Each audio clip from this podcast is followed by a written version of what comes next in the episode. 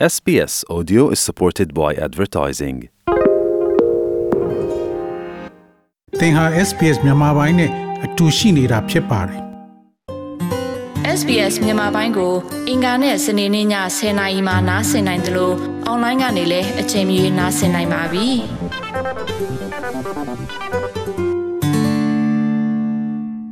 ။သောရရှိမြခင်ဗျာအနီးကပ်ထိတွေ့ခြင်းကို Australian အမျိုးသားလွှတ်တော်က ပြန်လည်သုံးသပ်လိုက်ပါတယ် National Cabinet သည်အနီးကပ်ထိတွေ့ဆက်ဆံခြင်းအတွက်အတိတ်ပဲဖွင့်ဆိုချက်အသစ်ကိုစမ်းသပ်ရေးစင်တာများဘော်တွင်ဖြေအားများရောချရန်ကြိုးပမ်းခဲ့ခြင်းဖြစ်ပါတယ်ပြည်내အားလုံးသည် PCR စမ်းသပ်မှုများကနေထွက်ခွာပြီးလျင်မြန်သော antigen စမ်းသပ်မှုများစီသို့ကူးပြောင်းသွားရန်သဘောတူညီခဲ့ပါတယ် rapid test များသည် registry စနစ်မှတစ်ဆင့်ဝင်ရောက်ကြည့်ရှုသောသီးခြားအားနည်းချက်ရှိသော အုပ်စုများသာဖြစ်ပြီးလူတိုင်းအတွက်အခမဲ့ဖြစ်မှာမဟုတ်ဘူးလို့ဆိုပါတယ်။ကြာသာပတေးနေ့ဒီဇင်ဘာလ30ရက်နေ့တွင် National Cabinet အရေးပေါ်အစည်းအဝေးတွင် COVID-19 စစ်ဆေးမှုနှင့် quarantine လိုအပ်ချက်များကို ဖြေရှင်းပေးခဲ့ပါတယ်။ကျန်းမာရေးအရာရှိချုပ်ပေါ်ကယ်လီကအိမ်တော်စုတစ်ခုတွင် positive case ရှိသောလူနဲ့၄နိုင်ကြော်ကြာအောင် နေခဲ့သူအနေဖြင့်အနီးကပ်ထိတွေ့မှုလို့သတ်မှတ်ပြီးတနိုင်ငံလုံးအတိုင်းအတာဖြင့်တသမတ်တဲ့အတိတ်ပဲဖွင့်ဆိုချက်ကိုအဆိုပြုခဲ့တာဖြစ်ပါတယ်။ပြည်내နယ်မြေနဲ့ Federal ခေါင်းဆောင်များသည့်အတိတ်ပဲဖွင့်ဆိုချက်အသစ်ကိုလက်ခံပြီးကျင့်သုံးခဲ့ကြောင်းခြေရာခံခြင်းနဲ့စမ်းသပ်ခြင်းဆိုင်ရာပြန်လည်ပြင်ဆင်သည့်နီလန်းများကိုဝန်ကြီးချုပ် Scott Morrison ကပြောကြားခဲ့ပါတယ်။ အပြောင်းလဲအသစ်များသည်ယမန်နေ့တောက်ကြနေ့သံကောင်ရန်တွင်တရားစီရင်ပိုင်ခွင့်၅ခုဖြစ်တဲ့ New South Wales, Victoria, Queensland, South Australia, ACT တို့တွင်စတင်အကျုံးဝင်လာမှာဖြစ်ပါတယ်။ Tasmania သည် January လ1ရက်၌ပါဝင်လာမှာဖြစ်ပြီး Northern Territory နဲ့ Western Australia တို့တွင်၎င်းတို့ရဲ့ကျင့်သုံးမိရက်ကိုလည်းလာမယ့်ရက်အနည်းငယ်အတွင်းမှာကြေညာမယ်လို့ဆိုပါတယ်။ And the definition for a close contact is as follows except in, sec- except in exceptional circumstances, a close contact is a household contact or household like of a confirmed case only. A household contact is someone who lives with a case or has spent more than four hours with them in a house, accommodation, or care facility setting. So you're only a close contact if you are effectively living with someone or been in an accommodation setting with someone more than four hours with someone who has actually got COVID, not someone who was in contact with someone who's had COVID. Now, a confirmed case would isolate for seven days from the date. So someone who နေကထိတွေ့ခြင်းအတွက် from ဒိ the တ်ပဲဖွင့် date ဆို that ချက် they မှာ took the အောက်ပါအ test, တိုင်းဖြစ်ပါတယ် they would have to ထူးခြားသော isolate အခြေအနေ for များမှ seven လွဲ days ၍အိမ်သူအိမ်သား and have a နေက negative ထိတွေ့ခြင်း rapid- it's a rapid သို့မဟုတ် antigen အတည်ပြုထားသော test on day six ကူးစက်မှုတစ်ခုရဲ့ prior to အိမ်တော်စု being တစ်ခု able သာ to ဖြစ်ပါ leave လေ isolation ထို့ကြောင့်သင်သည် after seven တစ်စုံတစ်ဦးနဲ့နေထိုင်ခြင်း A close သို့မဟုတ် contact တစ်စုံတစ်ဦးနဲ့ that is ၄နိုင်ထက်ပို၍တဲခုနေထိုင်သည့် must have နေရာတွင် a PCR test. ကိုဗစ်အမှန်တကယ်ရှိနေသူနှင့်၄နိုင်ကြော်ကြအောင်ထိထိရောက်ရောက် ထိတွေ့ဆက်ဆံပါကသင်သည်အနိကထိတွေ့သူဖြစ်တယ်ကိုဗစ်ရှိသူနဲ့ထိတွေ့သူမဟုတ်ပါဘူးယခုအခါအတီးပြုလူနာဖြစ်တဲ့၄ရက်မှ9ရက်အတွင်းသေချာခွဲနေရမှာဖြစ်ပါတယ်ထို့ကြောင့်ကိုဗစ်အမှန်တကယ်ရှိသူတဦးသည်၎င်းတို့စမ်းသပ်တဲ့နေမှာစားပြီးသူတို့ဟာ9ရက်ကြာသေချာခွဲနေရမှာဖြစ်ပြီးအနှုတ်လက္ခဏာအမြန်စစ်ဆေးမှုလျင်မြန်သော antigen စစ်ဆေးမှုကို6ရက်မြောက်နေ့တွင် ခံယူရမှာဖြစ်ပါတယ်။ယောဂလက္ခဏာရှိသောအနိကထိတွေ့မှုတွင် PCR စမ်းသပ်မှုရှိရမှာဖြစ်ပါတယ်။ Mr. Morrison ကဒါတွေကိုလက်ခံဖို့ကကြီးမားတဲ့ပြောင်းလဲမှုဖြစ်တယ်လို့ဝန်ခံပြောဆိုပါတယ်။ Now, I know this is a bit different to what you've been hearing over the last couple of years. That's the gear change, that's the reset. That's what we need people to really um, understand. And I know it's a change from what has been said,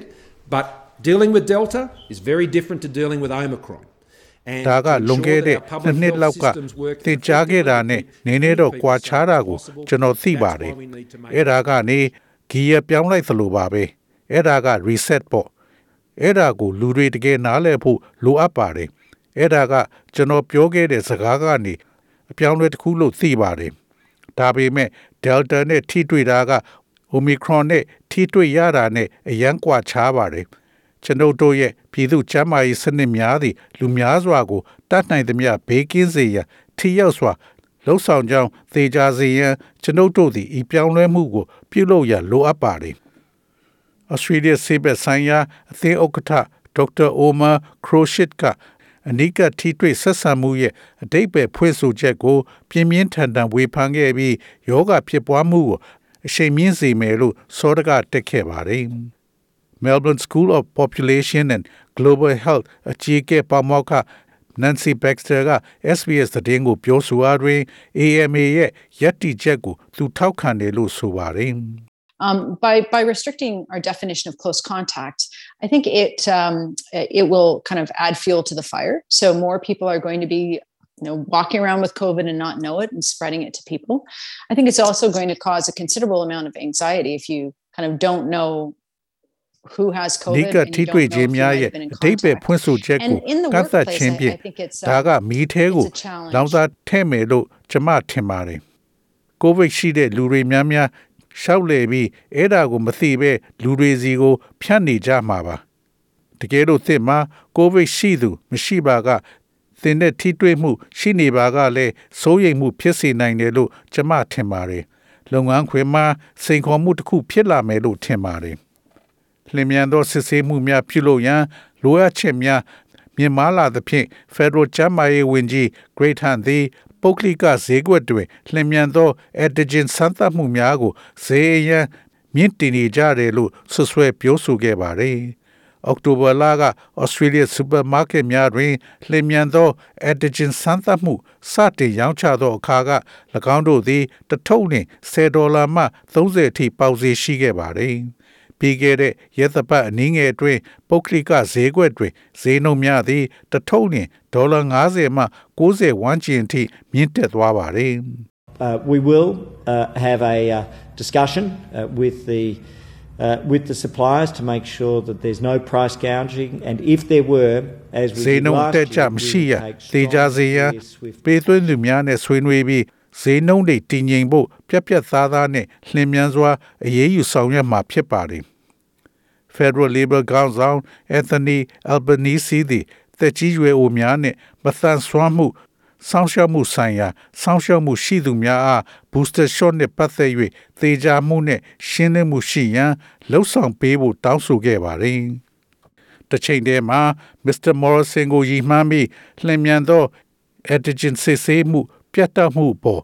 အာရုံစိုက်ဖို့ကိုပြောဆိုခဲ့ပါတယ်။ People are anxious. People are worried. Uh, people are voting with their feet by not going out, by not going to restaurants, by not undertaking activity that they normally would in the lead up, particularly to New Year's Eve. What we've seen is step, state governments step up into the void, spoke about it not being his job. Well, it is his job, and he should do it as လူ Prime တွေ Minister စိုး of ရိမ် the နေကြတယ် country. အထူးသဖြင့် We need နှစ်သစ်ကူ certainty အချိုမှာ when it comes to ပုံမှန်လုပ်နေကြ the လှုပ်ရှားမှုတွေမလုပ်ဘဲ as အပြင်းမ well ထွက်ဘဲ as နေကြတာ when it comes to ကျွန်ုပ်တို့မြင်ခဲ့ရတာကတော့ isolation. ပြည်내အစိုးရတွေကဒီလစ်လပ်နေတဲ့ကွက်လက်ကိုဂျားဝင်ပေးနေရတယ်မစ္စတာမော်ရဆင်ကသူ့အလုပ်မဟုတ်ဘူးလို့ပြောခဲ့တယ်ကောင်းပြီဒါသူ့အလုပ်ပဲသူလုပ်တဲ့နေနိုင်ငံရဲ့ဝန်ကြီးချုပ်အနေနဲ့နိုင်ငံအတွက်လိုအပ်ချက်နဲ့ပတ်သက်လာရင်စမ်းသပ်တဲ့စနစ်နဲ့ပတ်သက်လာရင်တေချာမှုရှိဖို့လိုအပ်ပါတယ် New South Wales တွင်စမ်းသပ်မှု9000မှ12226ခုကိုမှတ်တမ်းတင်ခဲ့ပါတယ်။ Queensland တွင် နောက်ထပ် COVID-19 စံချိန်တင်ခဲ့ပြီးပြည်내တဝမ်းတွင် နေ့စဉ်ဖြစ်ပွားမှုအရေအတွက်ဟာ2222ဦးထိမြင့်တက်လာပါတယ်။ပြည်내ကျန်းမာရေးအရာရှိချုပ် John Garrett ကလက်ရှိယောဂဖြစ်ပွားမှုမြင့်မားပုံရသည်ဖြစ်တော်လဲ ရက်သပတ်များအတွင်းကူးစက်မှုအရေးအတွက်သည်လည်းသောင်းနဲ့ချီရှိလာနိုင်တယ်လို့သတိပေးခဲ့ပါတယ် if we're going to experience a pandemic, because this is the first time Queenslanders will really experience the true pandemic. If we are going to experience this pandemic, then January is probably the best time to be experience, experiencing it because it's warm, and we know that the virus spreads more ဒီ easily မှာ in က the cooler Queensland months, ပြည်နယ်သားများဟာ and စစ်မှန်သော the schools ကပ်ရောဂါကို are ပထမဆုံးအချိန် on holiday, so တွေ့ကြုံ they're on ခံစားရမှာဖြစ် So if ပါတယ် we- တ if ကယ်လို့ now ကျွန်ုပ် this တို့ is သည် the time ကပ်ရောဂါကို for တွေ့ကြုံရပါက pandemic. ဇန်နဝါရီလမှာကပ်ရောဂါနဲ့တွေ့ကြုံရမယ်ဆိုရင်အကောင်းဆုံးအချိန်ဖြစ်နိုင်ပါတယ်။ဘာကြောင့်လဲဆိုတော့၎င်းသည်ပူအိုက်သောယာသည်ဖြစ်လို့ပါ။အေသောကာလများတွင် virus ပိုးသည်အလွယ်တကူကူးစက်နိုင်တာကိုကျွန်ုပ်တို့သိကြပါတယ်။ ယခုခါကြောင်များသည်အားလရက်များဖြစ်ပါတယ်။အေးအေးယာသည်အချိန်မှာကပ်ရောဂါကူးစက်မှုမြင့်မားနိုင်တဲ့အချိန်ဖြစ်ပါတယ်။ Victoria သည်စစ်ဆေးမှုပေါင်း81,930ခုမှ9139ခုကိုဗစ်ကူးစက်ခံရကြောင်းအစီရင်ခံခဲ့ပါတယ်။ပြည်내တွင်လည်းလူပေါင်း73ဦးသေဆုံးခဲ့ကြောင်းအဲ့ဒီထဲမှာအသက်50 60 80 80နဲ့90အရွယ်များဖြစ်တယ်လို့သိရပါတယ်။အပူလွန်ကဲမှုကြောင့်လာမယ့်ရက်အနည်းငယ်တွင်စမ်းသပ်စစ်ဆေးသည့်နေရာတချို့ကိုပိတ်နိုင်တယ်လို့အစိုးရချမ်းမာရေးဌာနကသတိပေးထားပါတယ်။စမ်းသပ်တဲ့တဲများအောက်ရှိ အပူချိန်များသည်၎င်းတို့အပြင်ဘက်ထက်10ဒီဂရီထိမြင့်တက်နိုင်ပြီးပူပြင်းပြီးအိုက်ဆက်နေသော PPE ဝတ်ထားတဲ့ဝန်ထမ်းများကိုပင်မမှုတန်နဲ့ မွန်းလောင်မှုဒဏ်ကိုပိုခံနေရတယ်လို့ဆိုပါတယ်။ Professor Nancy Baxter ကအမြန်စစ်ဆေးမှုများကိုနွေရာသီတွင်ပုံမှုအသုံးပြုသင့်တယ်လို့ဆိုပါတယ်။ I, I think the challenge is, um, you know, needing to have rapid antigen testing already baked into the system. That's really what we should have had at this point. When it's baked into the system, it means that you have a plan for distribution of the kits. You have, um, you know, a plan for what happens with the positives. Um, you know, y- you have reporting structures. Um, and so, so စိ it's တ်ခေါ်မှု all, မှာ it's all စနစ် ready ထဲ to သို့ go. Whereas ဖွဲ့ here စည်း it ပြီး seems like we're ပုံမှန် scrambling. လှုပ်ထုံးလုပ်နည်း Um, ရဲ့ despite knowing တစ်စိတ်တစ်ပိုင်း cases တွင် were going လျင် to be မြန် a သော lot. antigen စမ်းသပ်မှုရှိရန်လိုအပ်တယ်လို့ကျွန်မထင်ပါတယ်ဒီအချိန်မှာကျွန်မတို့လိုအပ်နေတာကအဲ့ဒါပါပဲ၎င်းကိုစနစ်ထဲသို့ထည့်သွင်းတဲ့အခါ အစုံလိုက်များအတွက်ဖြန့်ဖြူးရန်အစီအစဉ်အပြုသဘောဆောင်သောအစီအစဉ်အစဉ်ခံသည့်ဖွဲ့စည်းပုံများသင့်မှရှိသင့်တယ်လို့ဆိုလိုပါတယ်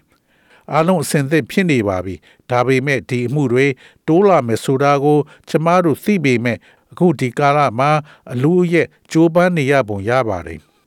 နှစ်သက်ကူအချိုခမ်းနားအတွက်မဲလ်ဘန်မြို့သို့လူထောင်ပေါင်းများစွာတက်ရောက်ရန်မျှော်လင့်ထားဆဲဖြစ်ပါတယ် ပြည်내ရဲဌာနဝင်ကြီးလီဆယ်နယ်ဗယ်ကဒေသခံတွေကိုသတိပေးထားပြီးသတိပြုကြဖို့တိုက်တွန်းထားပါတယ် We encourage people if you're not at a ticketed event here or at a restaurant in the CBD,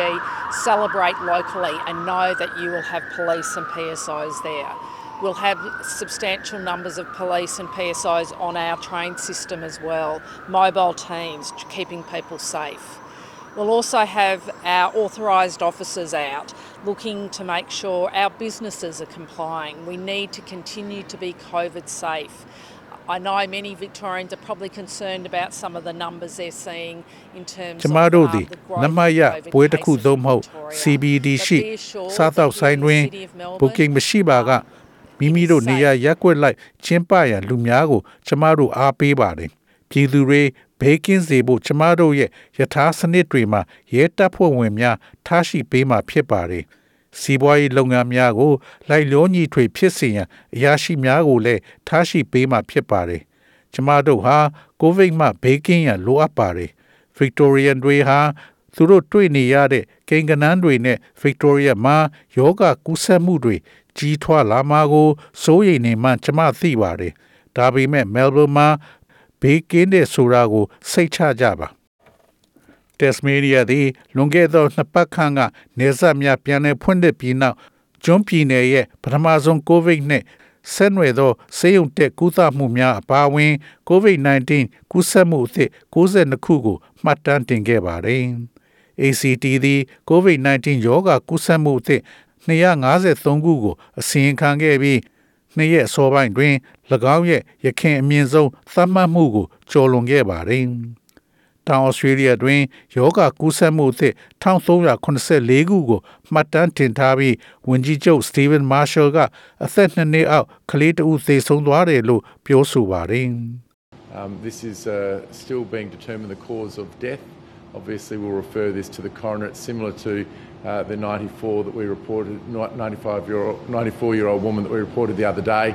Uh, when we knew that she uh, passed away with COVID, but not necessarily of COVID. So we'll need to do that investigation. But very sad news uh, that a child uh, under the age of two, uh, COVID positive, has passed away. တေဆုံးသွားခြင်းအကြောင်းရင်းကို and has now been ဆုံးဖြတ်နေ referred to တုန်းပါပဲ the coroner. ရှင်းပါတယ် ဒါကိုသေမှုသေကင်းစုံစမ်းစစ်ဆေးအရာရှိစီညွှန်ပေးပါမယ်၎င်းသည်ကိုဗစ်နှင့်ကွယ်လွန်သွားကြောင်းကျွန်ုပ်တို့သိခဲ့ရင် သူဟာမနေ့တနေ့ကအသက်63နှစ်အရွယ်အမျိုးသမီးသေဆုံးမှုနဲ့ဆင်တူနေမှာဖြစ်ပါတယ်ဒါပေမဲ့ကိုဗစ်ကြောင့်လို့မပြောနိုင်ပါဘူးဒါကြောင့်ဒါကိုစုံစမ်းစစ်ဆေးဖို့လိုပါလိမ့်မယ်ဒါပေမဲ့အသက်နှစ်နှစ်အောက်ကလေးငယ်တူကိုဗစ် positive နဲ့ကွယ်လွန်သွားတဲ့အတွက် အလွန်ဝမ်းနည်းစရာကောင်းတဲ့သတင်းဖြစ်ပြီးအခုသေမှုသေကင်းစုံစမ်းစစ်ဆေးအရာရှိကိုလွှဲပြောင်းပေးလိုက်ပြီဖြစ်ပါတယ်။နောက်ဩစတြေးလျသည် Queenslander များနှင့်တောင်ဩစတြေးလျများအတွက်တင်းကျပ်သောနေဆက်စီမင်းများဖြင့် COVID-19 ကူးစက်ရောဂါတုံ့ပြန်မှုကိုအရှိန်မြင့်လိုက်ပါတယ်။အနေများသော အမျိုးအစားအောက်တွင်တနတဟာရနှင့်ပြည်내အရာရှိများ ပါလီမန်အမတ်များသံတမန်များနဲ့အထူးပြုအခမ်းကဏ္ဍများကိုလှုပ်ဆောင်နေသူများအတွက်သာခရီးသွားကင်းလွတ်ခွင့်ကိုအတည်ပြုထားပါတယ်။သင်ဘာသာစကားဖြင့် COVID-19 ကူးစက်ရောဂါကိုတုံ့ပြန်ရန်အတွက်လက်ရှိလှုပ်ဆောင်နေသောကျန်းမာရေးနှင့်ပံ့ပိုးမှုအစီအစဉ်များအတွက် sbs.com.au/coronavirus သို့သွားရောက်ကြည့်ရှုနိုင်ပါတယ်။သောရရှိမြခင်များ SBS သတင်းဌာနက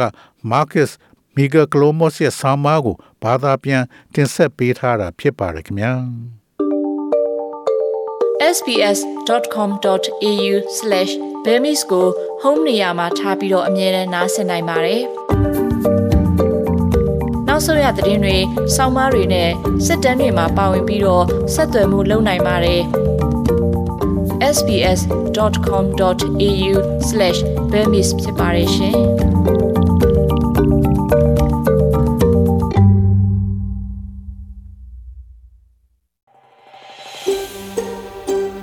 ဒါမျိုးသတင်းဆောင်မာတွေကိုပိုနားဆင်လိုပါလား Apple Podcast Google Podcast Spotify တို့မှာသင်ပင်ရာဖြစ်ဖြစ်ရယူတဲ့ podcast ကနေပါ